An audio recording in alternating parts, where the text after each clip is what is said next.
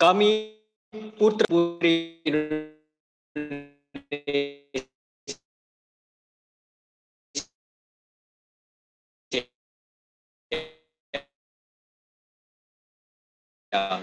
mengaku bertumpah dari sayang satu, bangsa Indonesia.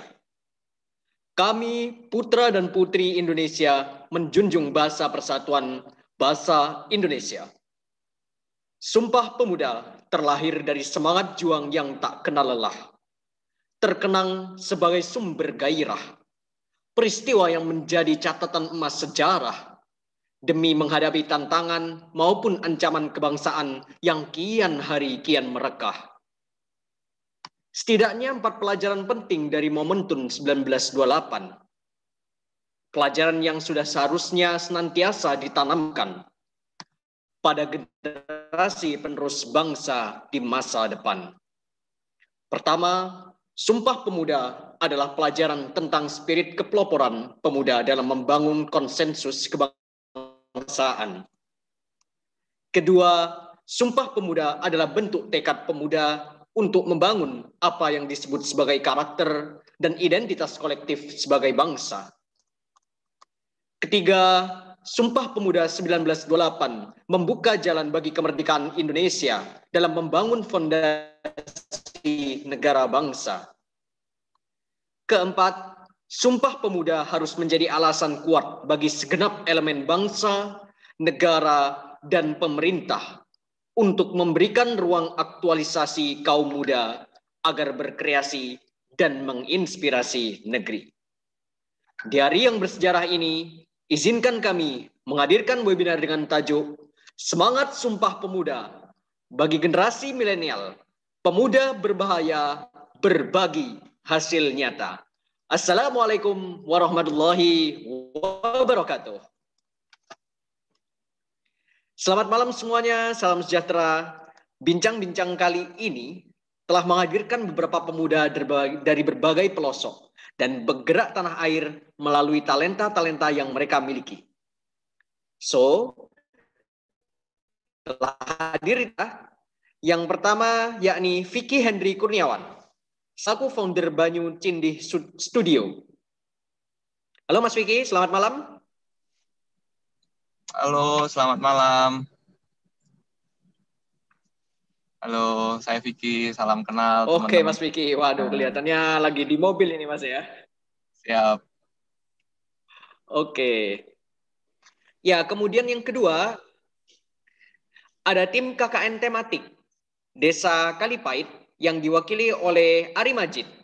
Selamat malam Mas Ari. Uh, selamat malam.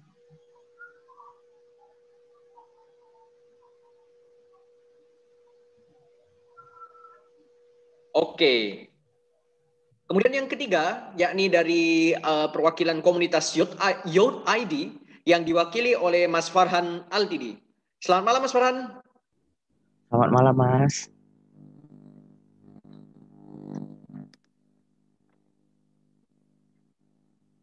Oke, terima kasih hadirin. Oh ya, sebelumnya saya belum perkenalan guys ya. So, izinkan saya di sini, Musonifun Faiz Sugiartanto, untuk memandu bincang-bincang edisi 28 Oktober 2020, live melalui Zoom dan streaming di kanal YouTube TV Desa. Kami juga turut mengundang para pemirsa di mana pun berada untuk berpartisipasi dan memberikan pertanyaan, baik melalui kolom komentar, kanal YouTube TV Desa, dan juga bisa melalui kolom komentar di chat Baik, saudara-saudara, para pemirsa yang berbahagia, langsung saja mungkin kita mulai ya sesi hari ini ya. Oke, so kita mulai dari yang pertama ya, terkait dari tim KKN Desa Kalipait Banyuwangi. Jadi guys, tim ini beranggotakan sekitar 15 mahasiswa dari berbagai jurusan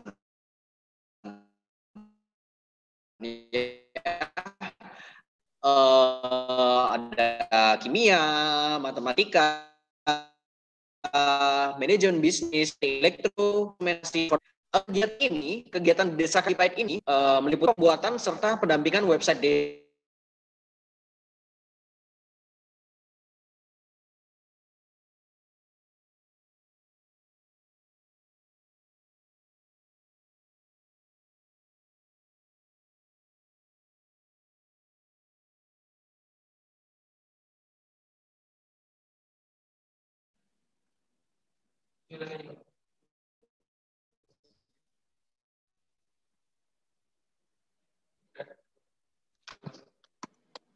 Oke okay guys, sorry uh, untuk gangguan koneksi internetnya. So ya bicara soal KKN ini, ya jadi ini merupakan sesuatu yang menarik ya. Uh, walaupun di Banyuwangi ya, uh, saya harap ini bukan KKN Desa Penari guys ya. Jadi ini tim tentu saja ini tim KKN yang berbeda ya. Uh, saya rasa ini lebih menarik. So mungkin daripada teman-teman berbingung ya, daripada nanti uh, pemirsa di sini pada suudon ya, apa jangan-jangan mereka uh, KKN-nya menampilkan tarian-tarian ya karena ini di Banyuwangi ya. Nah, jadi langsung saja uh, kita lihat di sini video dari uh, tim KKN Desa Kalipait Banyuwangi ya. So stay tuned everybody. So happy watching this video.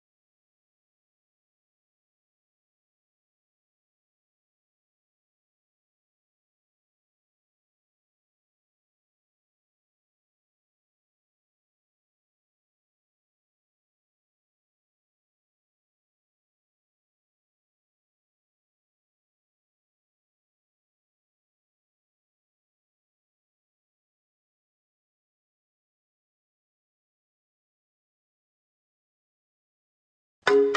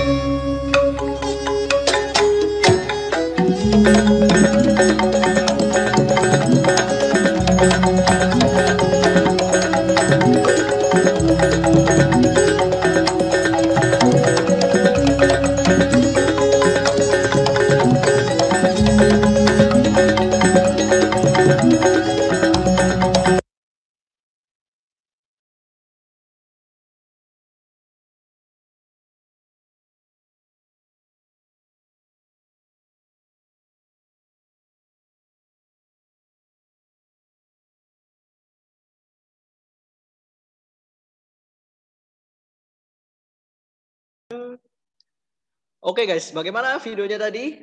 Uh, keren banget ya. Jadi apa namanya luar biasa sekali kreativitas dan inovasi mahasiswa-mahasiswa di sini ya. Mereka tidak kekurangan ide ya di tengah pandemi seperti ini, tapi masih bisa melakukan KKN dengan sangat luar biasa seperti itu. Oke, so langsung saja di sini saya mengundang, saya mengundang saja dari dari tim KKN di sini yaitu Mas Vicky Hendri Kurniawan. Halo Mas, bisa bergabung di layar?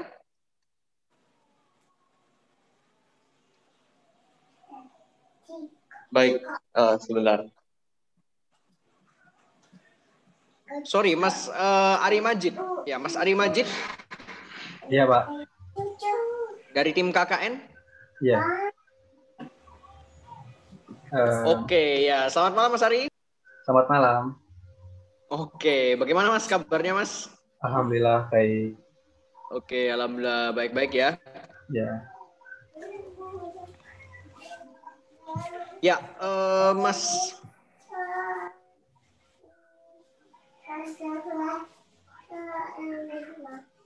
Mau nanya-nanya nih Mas, KN di Desa Kalipait Mas. Kan banyak banget ya pilihan desa-desa yang lain ya. Apalagi ini Banyuwangi loh Mas. Nggak, nggak takut Mas waktu ke sana Mas. Uh, enggak sih, Pak. Alhamdulillah aman.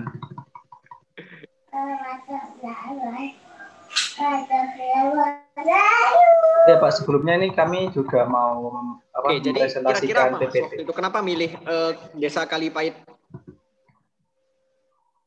Oke, boleh, boleh, boleh, boleh Mas. Ya. Uh, monggo, silakan bisa share screen-nya.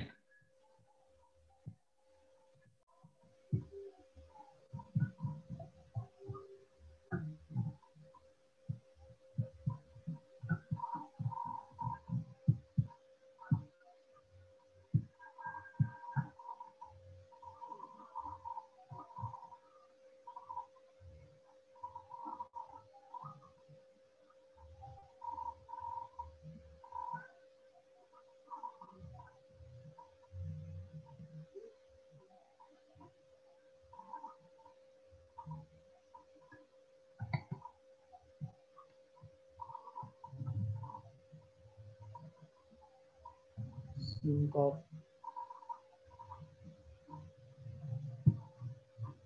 Sebentar, Pak.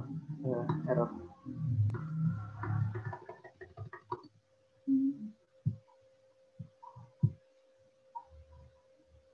Ya sambil menunggu PPT-nya di share ya guys ya. Jadi siapa pun di sini yang punya pertanyaan boleh pertanyaannya ditaruh di kolom chat baik di Zoom kita ataupun di YouTube ya sehingga nanti bisa dijawab oleh para narasumber kita yang kece banget ini. Oke, silakan Mas, boleh uh, dipresentasikan.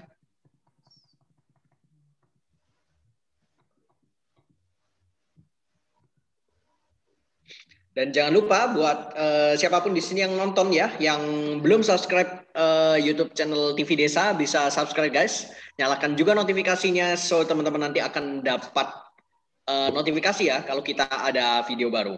Oke, silakan Mas Ari, monggo bisa dipresentasikan. Oke, uh, assalamualaikum warahmatullahi wabarakatuh. Selamat malam teman-teman, bapak dan semuanya. Uh, perkenalkan, nama saya Ari Majid Haji dari Departemen Teknik Elektro Angkatan 2018 Institut Teknologi 10 November Surabaya uh, yang melaksanakan KKN di Desa Kalipait uh, saat ini saya juga sebenarnya ditemanin oleh teman saya satu lagi namanya Muhammad Habibur Rahman. Mas Habib mungkin bisa berkenalan. Ya, halo Bapak Ibu semuanya. Perkenalkan, saya Habib selaku partner dari Mas Ari Majid Sonaji di tim KKN. Uh, Oke, okay, baik. Uh, jadi uh, sebenarnya di uh, Desa Kalipait ini berawal dari program uh, PHP 2D yang diadakan oleh Kemendikbud. Nah, di sini kami eh, tergabung dalam satu tim yaitu bernama Bumi Ibu dan bekerjasama dengan SDG ITS. Nah, SDG ITS sendiri itu adalah lembaga kajian Sustainable Development Goals ITS yang mendampingi masyarakat dalam menjaga nilai SDG. Misinya membantu proses percepatan percapaian tujuan pembangunan di daerah Indonesia Timur lalu melakukan pendampingan dan kemitraan dengan lembaga-lembaga daerah, BUMDes, Pemda, UMKM, dan sebagainya, untuk dapat belajar bersama dan menjadi contoh upaya percepatan pembangunan. Untuk visinya yaitu menjadi rujukan pengembangan model, kebijakan, dan program SDG, SDG di Indonesia. Lalu untuk Bumi Ibu sendiri yaitu tim mahasiswa, mahasiswa yang melaksanakan KKN di Desa Kalipait adalah lembaga konsultan dan pendamping BUMDes di seluruh Indonesia. Bumi Ibu memiliki visi untuk memberdayakan, meningkatkan, menyejahterakan, serta meningkatkan BUMDes di Indonesia. Dalam mewujudkan visi tersebut, Bumi Ibu memiliki misi. Yang pertama yaitu mengumpulkan BUMDes dengan berbagai pihak atau lembaga terkait. Yang kedua, melakukan pendampingan BUMDes. Nah, pendampingan sendiri yang dilakukan oleh Bumi Ibu ada tiga metode, yaitu klasifikasi, yaitu mengklasifikasikan kebutuhan dan potensi desa, lalu ada mentoring, melakukan bimbingan, penyuluhan, dan pendampingan BUMDes, lalu ada monitoring dan evaluasi, yaitu melakukan pemantauan dan evaluasi terkait perkembangan BUMDes setelah dilaksanakan program. Ini profil dari Bumi Ibu sendiri. Nah, KKN saat ini yang kami lakukan yaitu di Desa Kalipait. Eh, Kalipait adalah salah satu desa di Kecamatan Tegal Kabupaten Banyuwangi, Kalipait memiliki luas lahan pertanian yang luas dengan tiga komoditas utama yaitu ada buah naga, jeruk nipis, dan jeruk siam. Tetapi masih banyak yang belum memenuhi standar. Sehingga dari pemasaran tersebut, tim Bumi Ibu ITS bersama SDG ITS bekerja sama dalam pembuatan program BUMDes sebagai koordinator produk olahan jeruk nipis. Nah, di saat KKN eh, bulan Agustus kemarin ini adalah program-program yang kami laksanakan. Nah, yang eh, yang pertama yaitu finansial literasi atau pelatihan manajemen BUMDes yang akan dijelaskan oleh Mas Habib. Silakan Mas Habib. Uh, baik, terima kasih Mas Sony ya. Jadi uh, saya Habib di sini Bapak Ibu. Jadi untuk finansial literasi itu di sini kami ada dua bagian, yaitu ada bagian yang perihal finansial pribadi dan juga finansial organisasi. Kenapa ini perlu? Karena di Desa Kalipait sendiri bumdesnya itu masih cenderung baru, yaitu belum menuju umur tujuh bulan untuk bumdes Renville di Desa Kalipait. Oleh karena itu kami berinisiatif untuk melakukan finansial literasi berupa pelatihan tentang keuangan organisasi maupun pribadi. Karena yang kami tahu dan menurut survei kami rata-rata penduduk di Desa Kalipait itu menggunakan pengelolaan keuangan secara pribadi. Jadi semisal ada uang masuk sekian ya udah nanti belum direncanakan dengan baik gimana uang ini harus diapakan harus buat apa harus diinvestasikan atau tidak itu belum makanya di financial literasi ini kami selain finansial organisasi perihal pembukuan dan pengaturan keuangan organisasi BUMDes, kami juga membantu perihal pelatihan gimana sih biar warga masyarakat Kalipat ini bisa lebih mudah untuk mengatur keuangannya. Seperti itu. Dalam finansial literasi ini kami juga sampai bekerja sama dan mendatangkan salah satu dosen pembimbing kami, yaitu Ibu Putih Sinansari dari Departemen Manajemen Bisnis untuk memberikan pelatihan secara langsung dan live di Balai Desa Kalipait selama tiga hari. Mungkin itu aja yang bisa saya sampaikan Mas Sony. Kembali lagi kepada Mas Sony, monggo. Terima kasih Mas Adi. Nah, lalu untuk yang kedua yaitu pembuatan dan pendampingan website BUMDes. Jadi dari tim KKN ITS sendiri, eh, kami membuatkan eh, website eh, untuk BUMDes Landfill di Desa Kalipait ini. Dan saat ini juga sudah melaksanakan pelatihan untuk penggunaan atau pengedit, penggunaan website tersebut. Nah, yang ketiga yaitu melakukan riset produk turunan jeruk nipis. Jadi uh, ini sesuai dengan uh, kebutuhan dari Bapak-bapak Bumdes di Desa Kalipait, yaitu uh, agar dibuatkan produk turunan dari jeruk nipis. Karena di sana uh, di saat panen itu kadang jeruk nipisnya itu uh, sangat banyak uh, produksinya, maka dibuatkan untuk produk turunannya. Yang keempat yaitu pelatihan pembuatan turunan jeruk nipis tadi. Yang kelima yaitu perencanaan mitra. Mitra ini nanti uh, agar dari produk bumdes tersebut bisa dipasarkan secara secara kontinu. Nah, yang keenam yaitu launching program. Nah, ini uh, tiga dosen pembimbing, pembimbing kami yaitu ada Bu Nindi, ada Bu Janti, dan juga Bu Putih. Ini sedikit uh, foto. Yang kiri ini uh, foto di saat kami berdiskusi dengan Bumdes masalah pembuatan website nanti konsepnya seperti bagaimana. Untuk foto yang kanan atas ini di saat Bu Putih datang langsung ke Desa Kalipait Banyuwangi melaksanakan pelatihan finansial literasi bagi uh, penduduk Desa Kalipait. Yang kanan bawah ini di saat uh, salah satu tim dari kami Eh, melakukan pelatihan untuk penggunaan website kepada uh, pihak Bumdes Desa Kalipait. Seperti itu. Terima kasih.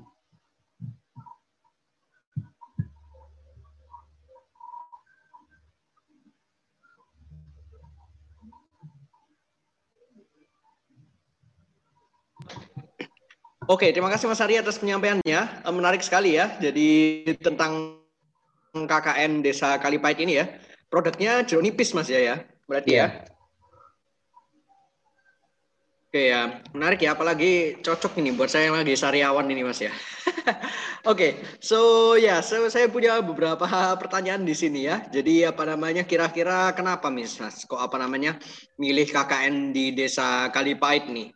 Eh, kira-kira apa memang dari awal sudah pingin sudah survei di situ gitu kan ya atau mau sekalian mampir ke desa penari atau mungkin punya alasan apa ini kira-kira mas oh ya baik pak jadi uh, alasan pertama yaitu emang kami sebelumnya ini uh, desa Kalipait ini sebelumnya yaitu uh, kami mengikuti lomba kompetisi bisnis nasional dan kebetulan uh, kami memilihnya sudah survei ke di desa Kalipait Banyuwangi, Kaltimo. Nah, lalu salah satu dosen pembimbing kami itu uh, bilang bahwa uh, kegiatan pengabdian masyarakat kalian di desa ini bisa dijadikan KKN juga. Makanya kami memutuskan untuk sekalian melakukan KKN di desa tersebut. Oke. So berarti ini sudah pernah diikutkan ini ya nanti setelah apa jeruk nipisnya jadi nanti jadi kali manis mas ya bukan kali pahit lagi karena ada jeruknya. Oke, okay.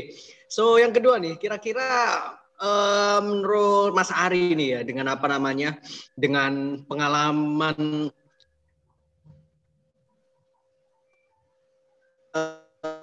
pengabdian masyarakat di sana nih kira-kira punya semangat apa nih yang perlu dibagikan untuk anak-anak muda generasi milenial nih, mungkin mungkin ya generasi sekarang kan mungkin nggak terlalu tertarik di TikTok ya daripada harus terjun-terjun ke desa itu. Nah kira-kira dari KKN kemarin tuh apa nih kira-kira nilai yang didapat yang perlu dimiliki oleh generasi milenial sekarang? Oke baik terima kasih Pak. Uh, jadi menurut saya kalau untuk teman-teman uh, generasi milenial generasi saya saat ini ya uh, gimana ya teman-teman uh, tuh semuanya tuh harus apa ya harus tahu kalau masyarakat desa itu sebenarnya desa-desa itu masih banyak terutama di daerah 3T mungkin itu uh, masih sangat tertinggal uh, dari segi uh, SDM dan pengetahuan tentang teknologi. Contoh saja waktu kami berada di uh, Desa Kalipait kemarin, di saat melakukan pelatihan finansial literasi menggunakan Zoom itu uh, kami harus benar-benar harus mendampingi bapak-bapaknya untuk melakukan pelatihan tersebut menggunakan aplikasi Zoom. Oke, so menarik sekali ya teman apa namanya memang kita harus punya semangat ini ya terus ini mas kira-kira kemarin of course uh, punya ini ya apa namanya pasti punya tantangan ya selama selama di sana itu pasti ya adalah tantangannya ya. Nah kira-kira nih ya kira-kira kemarin tuh tantangannya apa nih? Yang paling mungkin apa ya paling terkenang-kenang sampai Nah, kira-kira apa nih tantangannya selama uh, eh, KKN kemarin di Desa Kalipait itu? Uh, untuk tantangannya sendiri, yang pertama uh, kami belum uh, kebanyakan dari kami belum memiliki apa ya skill untuk langsung uh, berbincang dengan masyarakat desa sana. Jadi di saat uh, kita apa ya kami jadinya uh, agak kesulitan untuk menyampaikan program-program program kami uh, kepada uh, warga di sana dan agar warga-warga tersebut menerima program dari kami untuk seperti itu. Terus lalu um, uh, karena di sana juga uh, kekurangan SDM tentang teknologi, jadi di saat kami melaksanakan pelatihan website, menjelaskan tentang bagaimana cara mengoperasikan website, kami juga mengalami banyak kesulitan karena uh, warga desa di sana juga belum terlalu mengerti tentang uh, teknologi seperti website dan internet seperti itu. Oke, so far berarti soal ini ya. Yang pertama adalah soal uh, penerimaan warganya sana ya butuh mungkin butuh effort untuk sosialisasi dan yang kedua tadi soal ini ya soal skill IT oke okay. so ya setelah melaksanakan ini nih apa namanya setelah melaksanakan KKN ini kira-kira uh, ekspektasinya apa nih harapannya ya kira-kira harapannya buat masyarakat di sana apa nih setelah sekarang programnya selesai ya. Uh, jadi ya harapan kami semoga Eh, pelatihan-pelatihan yang sudah dilaksanakan kemarin program-program bisa diimplementasikan oleh warga dan khususnya bagi pengurus BUMDes Penfil Desa Kalipahit. Lalu juga agar digitalisasi di Desa Kalipahit juga semakin meningkat dengan adanya website. Uh, terus juga apalagi kemarin kami juga sempat membantu pendaftaran warga desa untuk uh, mendaftarkan prakerja dan alhamdulillah juga banyak warga yang sudah lolos untuk mendapatkan dana dari prakerja tersebut. Semoga bisa membantu untuk meningkatkan kualitas warga desa di desa Kalipahit. Oke, masya Allah, mulia sekali ya membantu mendaftar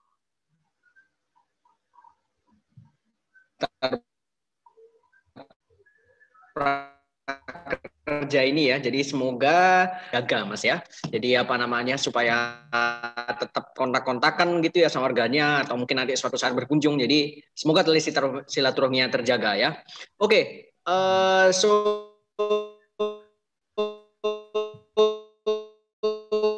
terima kasih banget Mas udah sumber yang lain di sini yang tidak kalah kerennya So narasumber kita yang sudah sering juara festival-festival nasional ya, wah keren banget ini ya. Saya aja cuma mungkin saya pernah cuma juara lomba makan kerupuk kali ya. nah terus dia masnya ini pernah ditawari beberapa televisi nasional ya. Pernah ditawari ya untuk uh, jadi apa? Televisi nasional ya. Bukan ini mas ya. Bukan join akademi dangdut kan ya? Oh, tapi bukan. menjadi ini ya menjadi inspirator mungkin ya di televisi nasional. Namun namun guys tapi ternyata dia lebih memilih pulang ke desanya kembali ke desa gitu kan ya. Di kaki Gunung Ijen ya bayangin kan ya. Udah Gunung Ijen lagi Ijen kan sendirian ya. Baliknya ya. sendiri mas ya. Terus di sana akhirnya masnya ini ternyata memilih memberdayakan pemuda-pemuda di sana gitu kan ya. Untuk uh, bikin ya kegiatan yang kira-kira mengangkat tema-tema sosial di budaya Banyuwangi. So langsung saja kita di sini Mas Vicky Henry Kurniawan selaku dari Banyu Cindi Studio. Selamat malam Mas Vicky.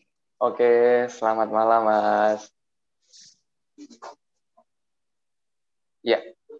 Selamat Oke, selamat malam. Sehat Mas ya? Oke, alhamdulillah sehat. Oke, ini sangat sangat mengusung tema desa sekali ya. Ini kenapa backgroundnya Mas Ari sama Mas Vicky ini sama-sama hijaunya ini ya, hijau-hijau ini ya. Iya itu sama ini. oh apa karena ini Surabaya ya, asli Surabaya. Oke, coba background saya aja nggak hijau ini apa ini malah studio studio-studio palsu. Oke, okay, so ya boleh Mas Mas Vicky uh, bisa sebelum kita apa namanya mungkin nanti mendengar ini ya cicat lebih jauh mungkin bisa diputarkan nih uh, salah satu video karya dari Mas Vicky ini seperti apa. Monggo Mas. Siap, siap. Hai, namaku Reno. Aku tinggal di sebuah desa yang biasanya orang-orang bilang desa Taman Sari. Tapi aku menyebutnya surga. Setiap pagi, inilah aktivitasku. Bersekolah, belajar, dan bermain. Sama seperti anak-anak lainnya, yang berbeda adalah Desaku adalah tempatku bermain dan belajar. Gak percaya? Ini keluargaku. Ayahku adalah seorang penambang. Setiap subuh, dia berangkat bersama kawan-kawannya ke kawah ijen Tempat yang sangat cantik itu adalah bagian dari desaku. Hampir setiap hari, aku melihat turis dari mancanegara di desaku untuk mengunjungi Kawah Ijen. Beberapa juga ada yang tinggal di homestay-homestay milik warga kami. Dan senangnya, aku bisa belajar bahasa Inggris dengan mereka. Ini ibuku, dia bekerja sebagai petani. Dia bekerja di ladang orang setiap hari. Kadang di hari Minggu pagi, aku menemaninya. Ya, ayah dan ibuku bukan orang yang kaya, tapi kami tidak pernah merasa kekurangan. Karena di desaku, kami memiliki apa yang kami butuhkan. Di pekarangan kami dikelilingi tanaman sayuran. Di desa kami juga ada tambak ikan yang dibudidaya oleh warga. Jadi, aku tetap bisa makan ikan meski desa kami jauh dari laut. Yang spesial dari desaku, kami memiliki sejuta pohon kopi. Ada pohon kopi di mana-mana. Kopi di desaku sudah menjadi bagian hidup sehari-hari. Semua orang punya pohon kopi. Semua orang meminum kopi. How do you say nice coffee bahasa Indonesia? Kopinya enak. Kopinya enak ya. Setiap hari Jumat, aku sering ikut Pak Deku ke kantor BUMDes. Dia sering membawa biji-biji kopi dan dijual di sana. Tidak hanya biji kopi, banyak juga orang-orang yang menjual hasil tanam mereka ke BUMDes.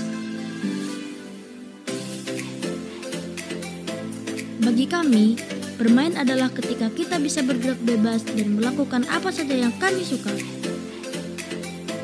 Hidup di desa, hidup dengan sederhana membuatku bisa lebih bersyukur karena kami memiliki segalanya teman bermain, kelas yang menyenangkan, dan orang-orang yang bahagia.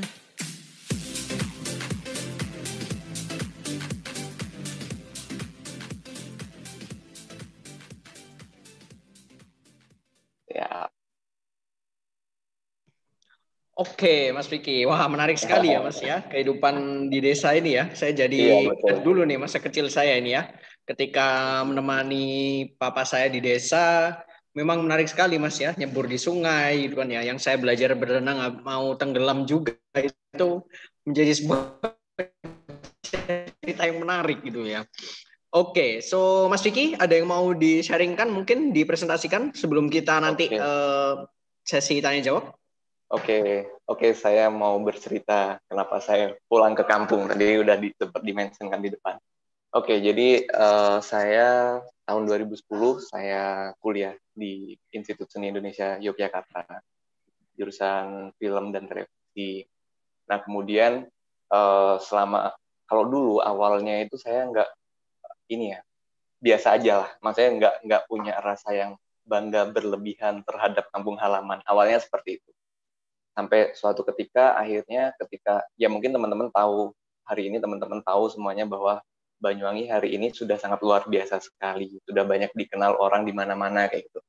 Sampai akhirnya seiring berjalannya waktu, ketika saya kuliah, saya merasa bahwa wah iya ya saya uh, lahir di desa, lahir di kabupaten yang ternyata potensinya sangat luar biasa, yang akhirnya semua orang sekarang mengenal itu kayak gitu.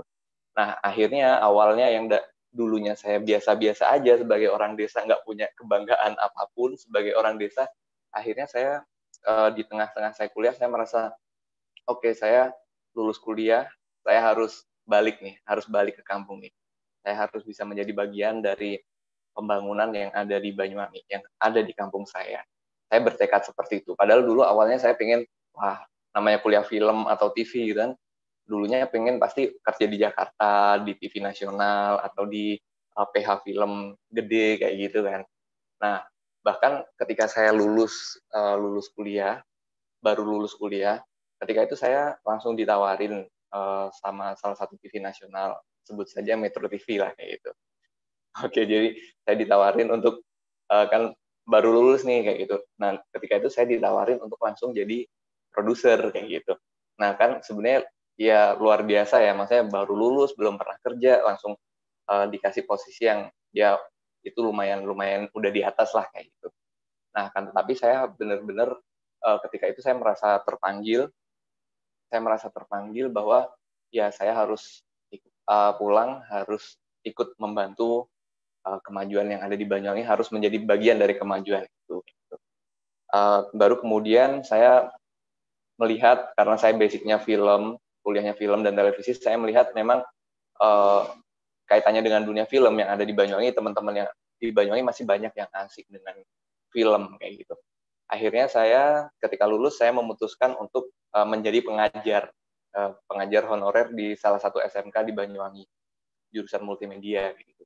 Nah dari situ saya uh, mulai membagikan ilmu saya karena saya ingin nggak cuma saya aja di Banyuwangi yang tahu film, tapi saya bagikan ke teman-teman.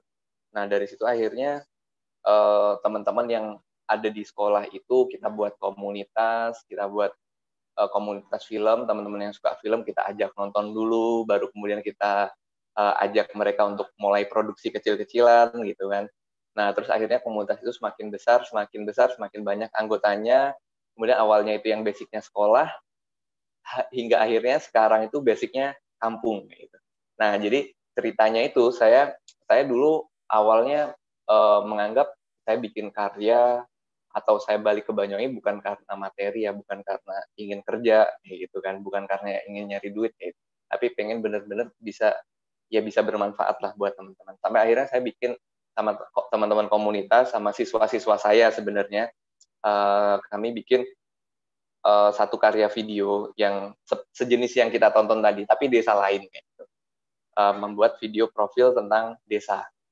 Nah, sampai akhirnya uh, cerit singkat cerita video itu viral. Video itu viral karena selama ini belum pernah ada desa yang membuat video profil. Paling ya kabupaten yang bikin video profil, profil pariwisata kayak gitu. Nah, itu pertama kalinya ada video profil tingkat desa kayak gitu. Nah, kemudian itu viral sampai akhirnya diapresiasi oleh Pak Bupati, Pak Bupati Banyuwangi. Kemudian dari situ uh, akhirnya uh, video video profil desa itu dikompetisikan. Jadi dari karya yang saya dan teman-teman bikin itu akhirnya dibuatlah kompetisi, kompetisi video kreatif antar desa yang ada di Kabupaten Banyuwangi. Nah, akhirnya usaha usaha saya dan teman-teman itu tidak sia-sia. mungkin saya memang tidak langsung mengajar teman-teman seluruh desa yang ada di Kabupaten Banyuwangi. Tapi dari yang hal kecil yang kita lakukan akhirnya dengan kompetisi itu akhirnya hari ini hampir semua desa yang ada di Kabupaten Banyuwangi itu punya video maker lah. Teman-teman uh, Karang Taruna itu sekarang udah banyak yang punya kamera. Kemudian mereka udah bisa bikin Eh, video-video uh, profil desa mereka atau ketika mereka punya bumdes seperti yang teman-teman di desa Kalipai tadi mereka sudah bisa mempromosikan uh, usaha di bumdes itu melalui video. Nah itu sangat luar biasa dan saya ya saya ya terharu ya ternyata ya ini bisa bisa berdampak kayak gitu. Padahal nggak ada bayangan sampai sejauh itu. Bahkan dua atau tiga tahun terakhir ini uh, program kompetisi video kreatif yang awalnya itu tingkat kabupaten itu diadopsi oleh di, uh, dinas pemberdayaan desa dan uh, pemerintah desa di provinsi Jawa Timur. Artinya adalah uh, tidak hanya berhenti di Banyuwangi, artinya pembuatan video profil desa yang dibuat oleh teman-teman desa itu sendiri sekarang bukan hanya di Banyuwangi tapi teman-teman se-Jawa Timur itu sekarang sudah teman-teman uh, di desa-desa se-Jawa Timur sudah mulai bisa bikin video profil desanya masing-masing gitu kurang lebih ceritanya. Oke, wah luar biasa sekali Mas Vicky ya, masya Allah ya ini menjadi sebuah amal jariah ini ya. Bayangkan kalau tadi teman-temannya yang mengajarkan video itu nanti menurunkan ke yang lain yang lain, wah ini pahalanya Mas Vicky ini masya Allah auto ngalir ini ya. Amin. Jadi, amin. sangat luar luar biasa sekali. Oke Mas Vicky, jadi sebenarnya ini penjelasannya tadi ini sudah menjawab semua pertanyaan saya ini. Saya saya bingung mau nanya apa ini.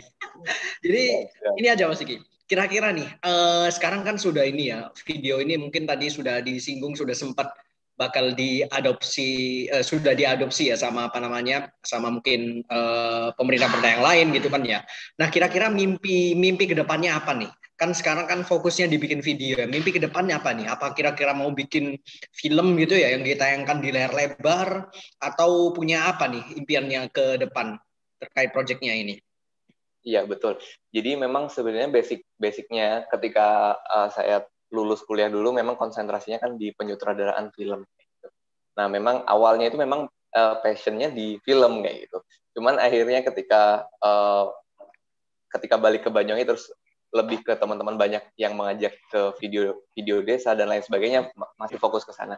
Tapi sekarang kan teman-teman udah bisa jalan sendiri ya. Untuk harapan ke depan ya uh, kalau selama ini kan produksi film khususnya film layar lebar itu kan memang pusatnya di Jakarta. Kebanyakan produksi uh, film layar lebar yang produksi teman-teman yang uh, tinggalnya di Jakarta dan itu produksinya di Jakarta. Nah, harapan ke depan uh, dari kami ya ingin kami mimpi besar kami kami bisa memproduksi film layar lebar yang bisa ditayangkan di seluruh Indonesia itu dari Banyuwangi. Kayak gitu. Amin, amin, amin ya robbal alamin. Semoga tercapai mas ya. Apalagi saya sering mendengarkan kadang ada film yang kayak di summit summit apa di festival film internasional apa sehingga bukan hanya di Indonesia saja tapi desa-desa Indonesia ini semoga nanti suatu saat bisa terangkat ke dunia bahkan ya ke seluruh dunia sehingga banyak nanti semakin banyak nanti wisatawan-wisatawan yang tertarik uh, datang ke desa-desa itu. Oke, okay, uh, Mas Vicky mungkin itu aja ya. Jadi sebenarnya saya ya, punya empat pertanyaan di sini tapi tadi sudah terjawab semua ya. Ini Mas Vicky sebenarnya memiliki ilmu titan ya. Bisa membaca pikiran saya ini. Oke, okay, uh, eh, terima kasih uh, Mas Vicky. Ya, sama-sama. So next kita undang lagi. Jadi di sini uh, terkait dengan sebuah gerakan namanya Youth ID uh, at Youth at Y O U T H I D ya di Instagram ya. Jadi uh, di provinsi Serambi Mekah. Wah, dengar nama provinsinya udah ini ya, wah berkah banget ini gerakannya ya. Jadi mereka studi di Universitas Syekh Kuala Unsiah di Banda Aceh sebagai tindak lanjut dari proyek mereka bernama Formana yang dilakukan bersama dengan UNICEF itu. Nah, ada empat fokusan di Youth ID ini yaitu kepemimpinan, budaya, kesehatan, dan lingkungan teknologi. Ya, so langsung saja kita undang di sini salah satu perwakilannya. Selamat malam Mas Farhan, Assalamualaikum. Waalaikumsalam warahmatullahi wabarakatuh. Selamat malam. Ini panggilnya siapa nih? Uh, Mas Mus. Panggilannya Faiz, Faiz saja, Mas Faiz ya. Mas Faiz. Kalau di Aceh nih panggilnya Kak dan Bang nih. Bang aja deh. Bang Bang. Faiz. Oh, Bang Faiz, Ah, ah, boleh Bang lah. Faiz. Geli kali aku dia panggil abang ini. Oke, so oke mungkin langsung aja ya. Mungkin di sini para pemirsa, para yang sudah lihat di sini penasaran ya. Kira-kira ah, kayak gimana sih gerakan Youth ID ini? Mungkin Mas Farhan ada video yang bisa diputar? Monggo. Mungkin ada sedikit PPT aja. Oke, silakan Mas. di share screen dulu ya. Ya.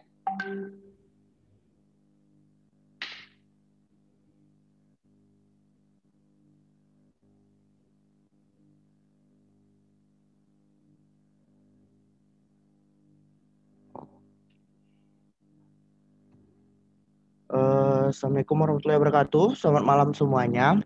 Eh, saya Farhan Atiri Devullah, salah satu founder dari Your ID, Yayasan Suara Aksi Orang Muda yang berlokasi di Aceh. Jadi, Your ID ini merupakan yayasan yang diben- yang dibentuk oleh sekelompok anak muda yang berkonsentrasi pada peningkatan kapasitas dan kualitas hidup anak muda pada era digital, mengadvokasi pemenuhan hak-hak anak muda dan mendukung partisipasi aktif anak muda pada setiap isu sosial dan pembangunan berkelanjutan. Eh, jadi sebelum jadi apa namanya Your ID ini ada River of Life-nya nih. Jadi yang pertama itu pada tahun 2016 saya dan beberapa kawan saya tergabung di fasilitator Forum Anak yaitu fasilitator Forum Anak Tanah Rencong di Aceh di bawah Dinas Pemberdayaan Perempuan dan Anak. Nah, ketika kami bergabung di situ, kami melihat banyak sekali eh, kasus-kasus tindak kekerasan terhadap anak, tindak kekerasan terhadap eh, orang-orang muda, dan banyak kasus-kasus yang tidak tersentuh gitu. Dan di dalam forum anak ini kan ada peraturan-peraturan atau ada cara-cara eh, yang tidak bisa kami lakukan sehingga kami membentuk sebuah organisasi baru sendiri yang bernama Millennials Empowerment pada tahun 2018. Nah, awalnya Millennials Empowerment ini berfokus pada untuk menin, eh, mengenai memberantas tindak kekerasan seksual dan HKSR yang mana eh, kasus ini banyak sekali terdapat di Aceh bahkan eh, nggak menguap kayak gitu kayak eh, kayak gunung es yang di luarnya nggak nampak tapi sebenarnya kalau kita terjun ke lapangan itu banyak sekali. Nah kami awalnya fokus ke situ bagaimana kami melatih anak-anak muda untuk bisa menjadi fasilitator dan kembali ke desanya masing-masing sehingga ia bisa eh, menyuarakan atau melakukan advokasi kepada masyarakat, kepada pemerintah daerahnya, kepada pemerintah desanya, pemerintah kabupatennya sehingga tindak kekerasan ini dapat diberantas. Kemudian pada tahun 2020 eh, pada awal-awal pandemi itu kami dihubungi oleh pihak UNICEF. Pihak UNICEF melihat gerakan kami sebelumnya dan kayak merasa tertarik gitu, merasa tertarik untuk eh, ngajak kerjasama. Yuk kita buat suatu kegiatan nih untuk eh, selama pandemi. Nah kami berpikir kalau hanya sebuah kegiatan ini kayak sia-sia aja kalau bu- sebuah kegiatan. Gimana kalau kita membuat sebuah organisasi? Nah kami buatlah sebuah organisasi yang namanya Aceh Youth Action. Aceh Youth Action ini lebih berfokus kepada eh, isu-isu psikososial selama pandemi, mental healthy dan lain-lainnya. Kemudian eh, dengan dibantu oleh UNICEF, oleh beberapa LSM di Aceh juga membantu kegiatan-kegiatan Aceh Action yang sebenarnya kontraknya kalau eh, kontrak dengan UNICEF-nya itu sampai Desember, tapi karena ini udah menjadi sebuah organisasi, jadi bisa eh, berdampak untuk atau keberlanjutannya itu eh, lebih jelas. Dan cita-cita kami adalah membuat suatu wadah bagi anak muda untuk dapat eh, berkolaborasi bersama, untuk dapat melakukan kegiatan-kegiatan bersama. Maka kami terpikir nih, gimana kita bisa membuat wadah tersebut. Jadi pas sekali hari ini tadi pagi eh, sekalian memperingati kegiatan Sumpah Pemuda tadi pagi di Hotel Kriyat kami launching sebuah yayasan suara dan aksi orang muda uh, yang kami beri nama Your ID.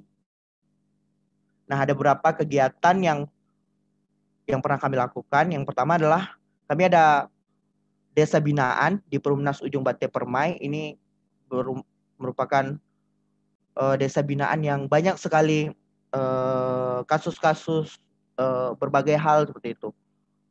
Dan kami coba mengadvokasi di sana, kami coba melakukan kegiatan-kegiatan positif dengan mengajak berbagai organisasi dan gerakan-gerakan di Aceh.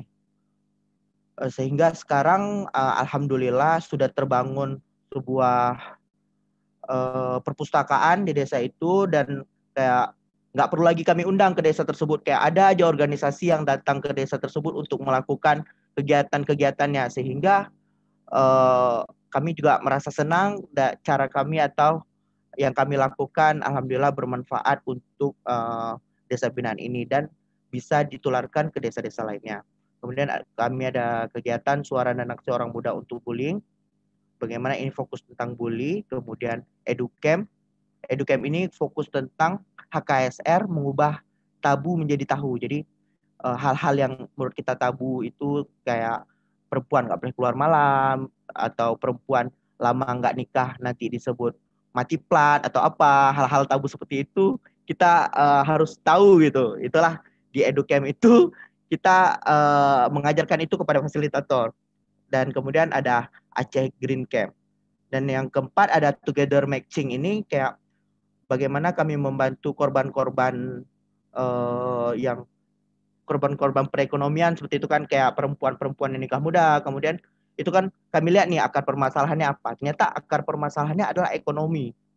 Nah di sini together matching ini kami mengajak orang-orang yang mempunyai uh, kelebihan uh, dana atau kemampuan dana seperti itu untuk sama-sama kita memberikan seperti uh, bantuan untuk pendanaan usaha dan uh, melakukan kegiatan-kegiatan supaya uh, usahanya tersebut dapat membantu perekonomiannya. Dan yang terakhir adalah Aceh Action yang uh, program bersama dengan UNICEF dan beberapa LSM di Aceh itu tentang psikososial. Ini berapa kegiatan yang uh, berapa foto kegiatan yang pernah kami lakukan. Nah, kami juga ada berapa prestasi. Yang pertama ada Youth Health Forum Award dari Kemitraan Australia Indonesia untuk kesetaraan gender dan pemberdayaan perempuan. Kemudian ada International Course of Leadership for Community Health and Development 2021 di uh, Jepang. Jadi kita lihat bahwa komunitas anak muda juga dapat bersuara nggak kalah dengan komunitas-komunitas yang udah lama, komunitas-komunitas yang digerakkan oleh orang-orang yang merasa lebih uh, tahu, lebih berpengalaman uh, yang yang membedakan anak muda dengan orang tua itu dosen saya pernah bilang yang membedakan orang tua dengan anak muda ialah orang tua pernah muda tapi orang muda belum tentu nanti merasakan hari tua. Mungkin itu aja. Terima kasih. Terima kasih kembali kepada Bang Faiz.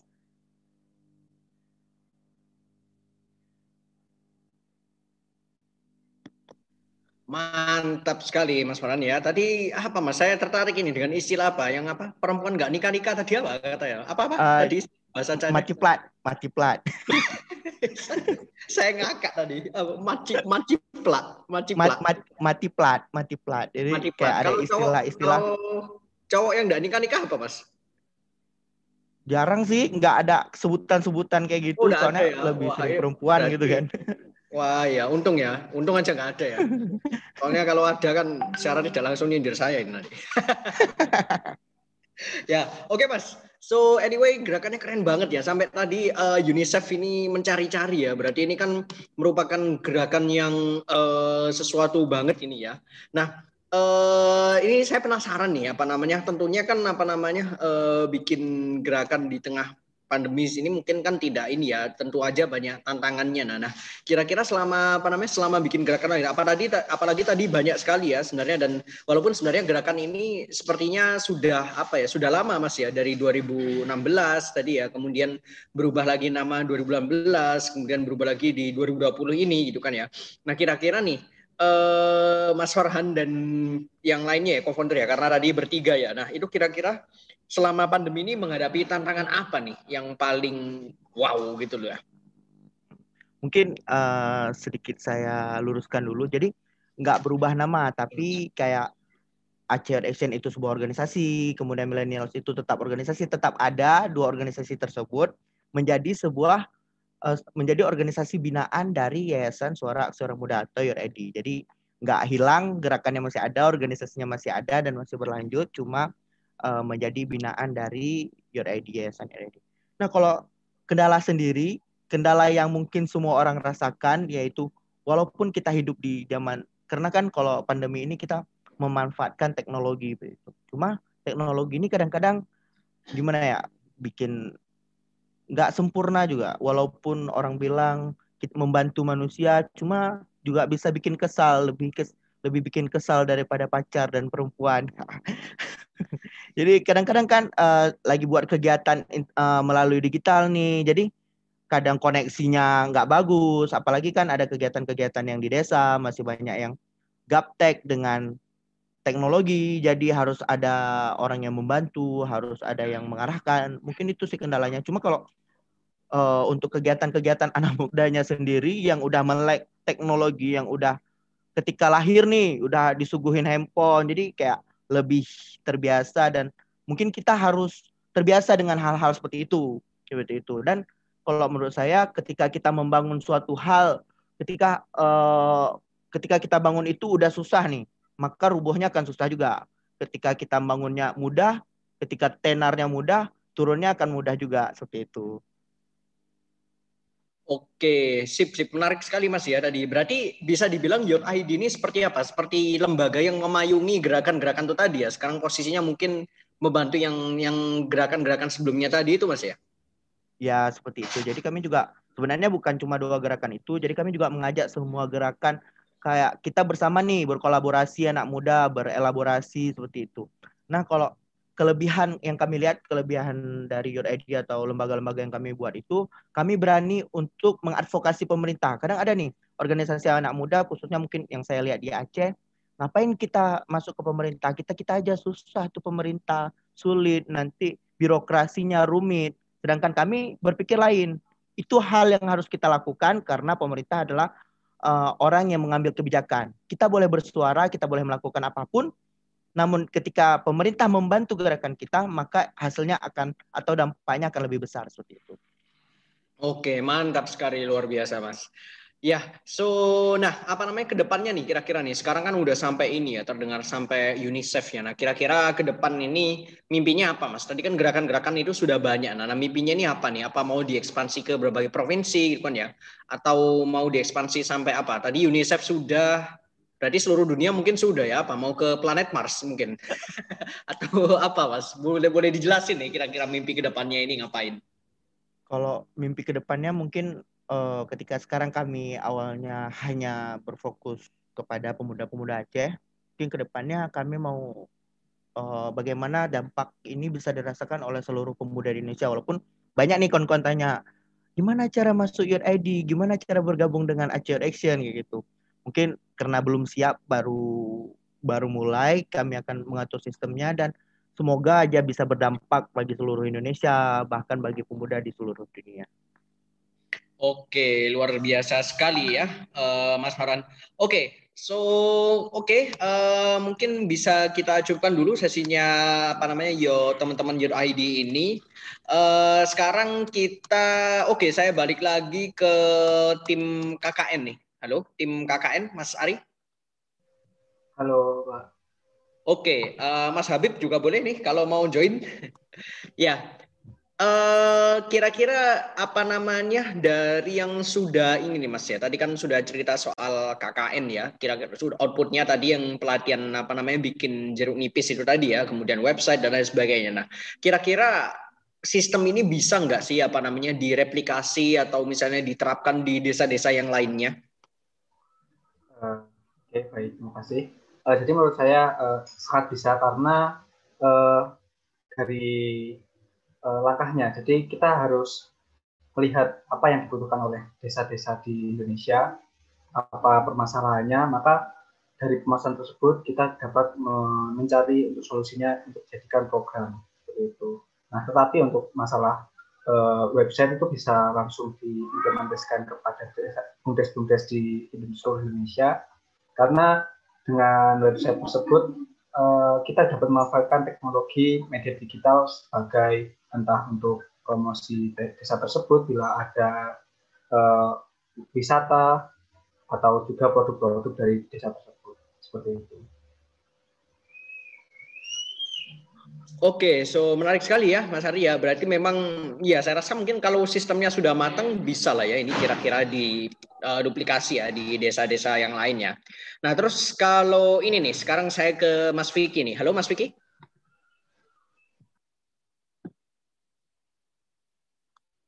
Mas Vicky, are you here? Oke, mungkin uh, Mas Vicky mungkin masih ada gangguan ya. Kita balik lagi nih ke Mas Farhan, Mas Farhan nih.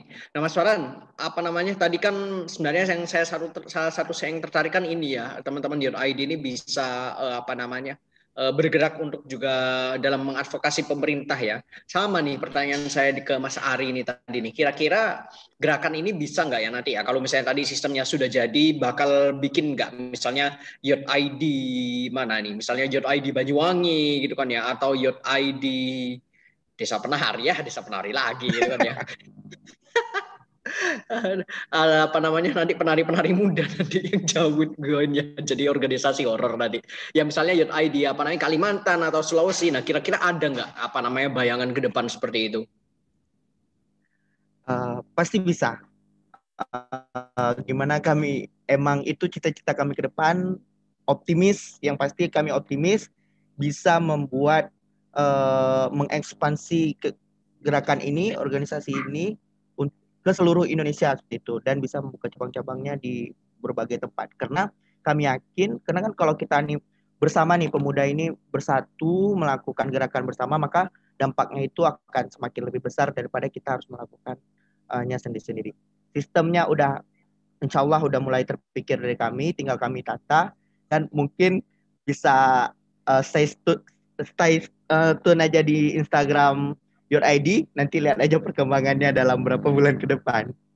Oke, terima kasih ya. Ya, jadi everybody please follow di Instagram Youth ID. Jadi teman-teman silakan uh, bisa follow ini.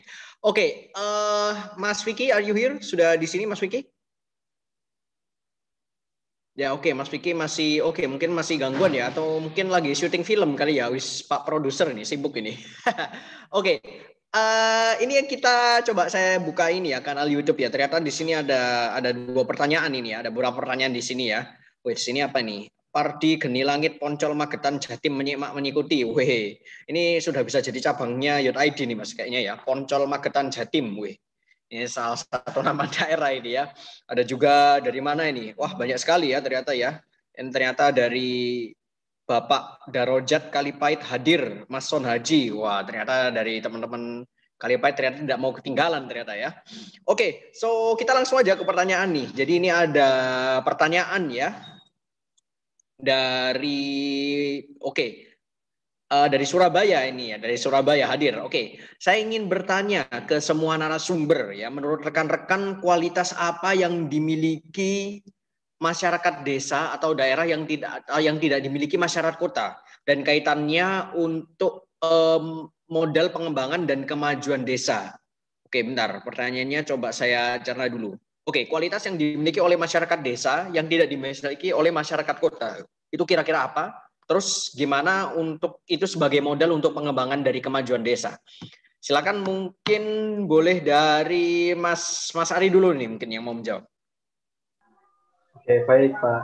Uh, jadi kalau untuk menurut saya uh, kualitas yang dimiliki oleh masyarakat desa dibandingkan dengan uh, masyarakat kota itu yang pertama yang pasti masyarakat desa itu kalau dari pengalaman saya itu keuletannya itu sangat tinggi dan masyarakat desa itu sangat mudah untuk bekerjasama antara uh, seluruh masyarakat dalam satu desa tersebut. Jadi bila memiliki program atau ada kegiatan itu rasa kerjasamanya, gotong royongnya itu sangatlah tinggi seperti itu. Terus juga uh, dari saya lihat warga di desa Kalipait juga pemikiran dari bapak-bapaknya meskipun uh, sangat visioner. Jadi uh, bagaimana cara untuk mengembangkan desa dari potensi sumber daya alam yang dimiliki desa tersebut, kami juga dibantu oleh bapak tersebut untuk uh, mencari ide tersebut.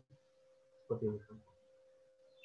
Oke ya, yang saya garis bahas ini masyarakat desa ini memang ulet-ulet ya. Memang uh, beberapa teman saya, kemudian juga ketika saya pulang ya ke kampung halaman saya di Mojokerto sana, memang orangnya sangat ulet, sangat tulus gitu kan ya dalam membantu kita gitu kan ya. Dan masyarakatnya memang sangat gotong royong. Nah, sekarang kita lompat nih ke Pulau Sumatera nih, Mas Farhan nih. Kalau di Aceh nih, kira-kira apa Mas? Uh, mungkin sama kayak uh, Mas Ari tadi yaitu kayak kalau masyarakat itu kebersamaannya lebih terasa. Sedangkan kalau masyarakat kota kayak nausi-nausi bahkan tetangga samping rumah aja belum tentu kenal dan belum tentu disapa. Kalau masyarakat desa ini bisa di dengan kebersamaan ini sebenarnya bisa dimanfaatkan untuk kemajuan desa bagaimana uh, misalnya nih ada nih orang yang sakit atau ada orang yang sedang kesusahan itu pasti tahu masyarakat yang lainnya. Jadi bisa sama-sama ber, bisa sama-sama membantu bisa sama sama bergotong royong agar uh, bisa sama-sama membantu orang yang kesusahan tadi. Dan kemudian masyarakat desa ini uh, nampaknya lebih peduli seperti itu. Mungkin kalau yang kita lihat uh, terlalu nampak. Cuma kalau kita bisa kita udah turun ke lapangan, mereka mereka lebih peduli terhadap sesama, mereka lebih peduli terhadap lingkungannya. Yang itu bisa kita manfaatkan untuk ke depannya kita beri kita gali nih ide-ide dari mereka. Apa yang mau kalian lakukan untuk desa kalian? Sebenarnya itu ada di masyarakat desa, cuma gimana kita memfasilitasinya supaya hal itu dapat uh, terakomodir dan dapat uh, membantu uh, berbagai sektor perkembangan berbagai sektor yang ada di desa. Oke, terima kasih. Ya, saya sepakat ya Mas Farhan ya. Kalau misalnya di kota itu kadang kita ya Jangan kan di kota ya, mungkin kadang kita di, di tetangga ya, mungkin kita kalau misalnya kos kadang ya teman satu kosan aja nggak semuanya hafal ya kita ya seperti itu. Oke, so sekarang ke Mas Vicky. Mas Vicky sudah hadir kembali? Siap, siap. Nah, Oke, okay, Mas Vicky, uh, mungkin saya ulangi lagi ya pertanyaannya. Kira-kira ya. uh, kualitas apa nih yang menurut Mas Vicky ya? Karena Mas Vicky kan sudah terjun ke desa langsung ini. Kira-kira ma kualitas masyarakat desa apa yang tidak dimiliki oleh masyarakat kota?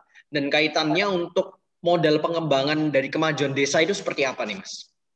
Iya, terima kasih. Jadi kalau sampai hari ini yang saya rasakan yang benar-benar dimiliki masyarakat desa dan masih belum luntur itu gotong royongnya. Mungkin kalau uh, kalau teman-teman di kota mungkin udah sedikit berkurang ya kalau kita berbicara tentang gotong royong. Tapi kalau di desa gotong royong itu masih sangat sangat kuat sekali. Bisa dibilang misal kita berbicara di Banyuwangi kita uh, misal di sektor pendidikan gitu kan. Ketika di sekolah itu banyak misal siswa-siswa kita yang uh, mungkin oke okay, sekolahnya udah gratis, kemudian nggak bukunya gratis, tapi kan ada kebutuhan-kebutuhan yang lain, misal sepatu, tas, seragam kayak gitu ketika ada temennya yang seragamnya jelek atau apa nah kami itu di desa masih ada gotong royong seperti itu. Kalau di sekolah ada namanya siswa asuh sebaya. Jadi temennya nanti uh, memberikan sumbangan setiap hari Jumat nanti itu diberikan ke temennya yang membutuhkan seperti itu. Kemudian ketika uh, sama seperti yang teman-teman uh, seluruh di desa di Banyuwangi ya karena trennya Banyuwangi itu sebagai kota pariwisata kota festival itu banyak sekali semangat-semangat gotong royong dari masyarakat desa tanpa ada bantuan dana dari mana pun mereka membuat festival sendiri agar uh, desanya itu dikenal agar potensi yang ada di desa itu bisa uh, ya bisa bisa dijual lah bahasanya seperti itu. Tapi benar-benar dengan spirit gotong royong. Itu sih gotong royong intinya Oke, luar biasa sekali ya. Memang benar apa namanya uh, gotong royong di sini adalah karakteristik yang bisa dibilang tuh melekat ya di masyarakat desa. Saya masih ingat dulu ketika SD belajar apa PPKN dulu namanya atau mungkin sekarang keluarga negaraan ya. Salah satu karakteristik masyarakat desa itu mereka suka gotong royong dan itu ternyata masih ada dan semoga tetap berlangsung ya, tetap dilestarikan sampai di masa depan. Oke, okay, so mungkin ada pertanyaan lagi. Nah, ini ada pertanyaan nih, menarik ini ya, terkait nah terkait momentum uh, Sumpah Pemuda sekarang ya. Nah, kira-kira nih uh, menurut teman-teman narasumber di sini ya, kira-kira makna Sumpah Pemuda bagi teman-teman semua ini apa nih? Dan kalau dikaitkan dengan tantangan masa depan, mungkin saya mulai dari Mas Farhan dulu nih.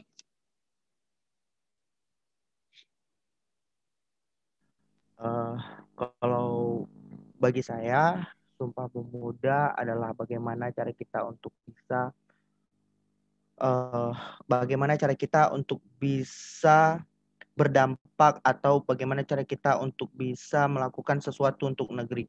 Bagaimana kita tidak hanya berharap untuk menerima bantuan, tapi bagaimana kita bisa melakukan sesuatu untuk membantu orang lain. Bukan hanya memikirkan diri kita sendiri, bukan hanya memikirkan keluarga kita sendiri, karena ini bukan hanya tentang kita, eh ini bukan hanya tentang saya, tapi ini tentang kita semua. Itu aja, Bang. Oke, terima kasih ya. Uh, terima kasih Mas Farhan ya. Menarik sekali ya. Bukan tentang saya tapi tentang kita ya. Kayak gombalan aja Mas. Oke, uh, sekarang pindah nih. Kita dari Sumatera kita pindah ke Mas Vicky nih. Kira-kira menurut Mas Vicky nih, apa makna Sumpah Pemuda bagi Mas Vicky nih? Iya, makna Sumpah Pemuda kalau bagi saya. Uh, bagi saya adalah uh, teman-teman pemuda itu dapat uh, menjadi bagian dari kemajuan dari daerahnya masing-masing secara uh, kalau kita berbicara uh, secara kewilayahan dan nanti uh, dengan cara masing-masing yang teman-teman miliki dengan potensi teman-teman yang miliki saya rasa teman-teman bisa menjadi bagian dari kemajuan daerahnya dan itu nantinya pasti bisa menjadi kemaju uh, bagian dari kemajuan yang ada di Indonesia. Jadi sebenarnya sebagai pemuda lakukan aja apa yang kita bisa. Itu sih. Oke, terima kasih Mas Vicky uh, atas insight-nya. Terakhir nih dari Mas Ari nih, kira-kira apa nih makna Sumpah Pemuda bagi Mas Ari? Uh, bagi saya Sumpah Pemuda sendiri, uh, bagaimana kita dapat uh, sekarang memikirkan kembali, bukan memikirkan diri kita sendiri, tapi memikirkan diri ini, dimulai dari desa, dari sub terkecil mungkin di sebuah negara ini. Apa uh, dampak kita nanti ke depannya di, di saat sudah mendapat um, sudah lulus dari perkuliahan mungkin apa dampak untuk desa tersebut? Oke, terima kasih uh, Mas Ari. Ya, uh, saya rasa kita sudah di penghujung diskusi teman-teman ya. Jadi diskusi malam ini sangat bisa dibilang menarik sekali. Teman-teman ya kita banyak belajar. Termasuk saya sendiri pun ya. Saya sendiri banyak belajar dari Mas Vicky dari Mas Ari juga dari Mas Farhan ya. Bagaimana cara apa empowering masyarakat desa gitu kan ya. Bagaimana cara memberdayakan masyarakat desa kemudian ya. Kemudian bagaimana cara menggerakkan dan apa istilahnya teman-teman ini akan menjadi saya rasa akan menjadi sebuah seorang influencer ya. Influencer yang mengajak orang-orang di kota, para apa namanya, para orang-orang desa yang merantau untuk kembali, untuk membangun desanya kembali dan menjadikan menjadi salah satu nanti harapannya pusat ekonomi, pusat pergerakan dari bangsa yang kita cintai ini. Ya, uh, saya rasa kita sudah masuk ke sesi akhir diskusi. Jadi uh, saya ucapkan terima kasih ya terhadap uh, teman-teman uh, Mas Ari, juga Mas Farhan dari Youth ID dan Mas Vicky juga atas apa namanya atas uh, kehadirannya malam ini dan semua juga terima kasih juga ya terhadap apa namanya terhadap teman-teman yang sudah TV terhadap TV Desa yang sudah membantu menayangkan ya menayangkan acara ini.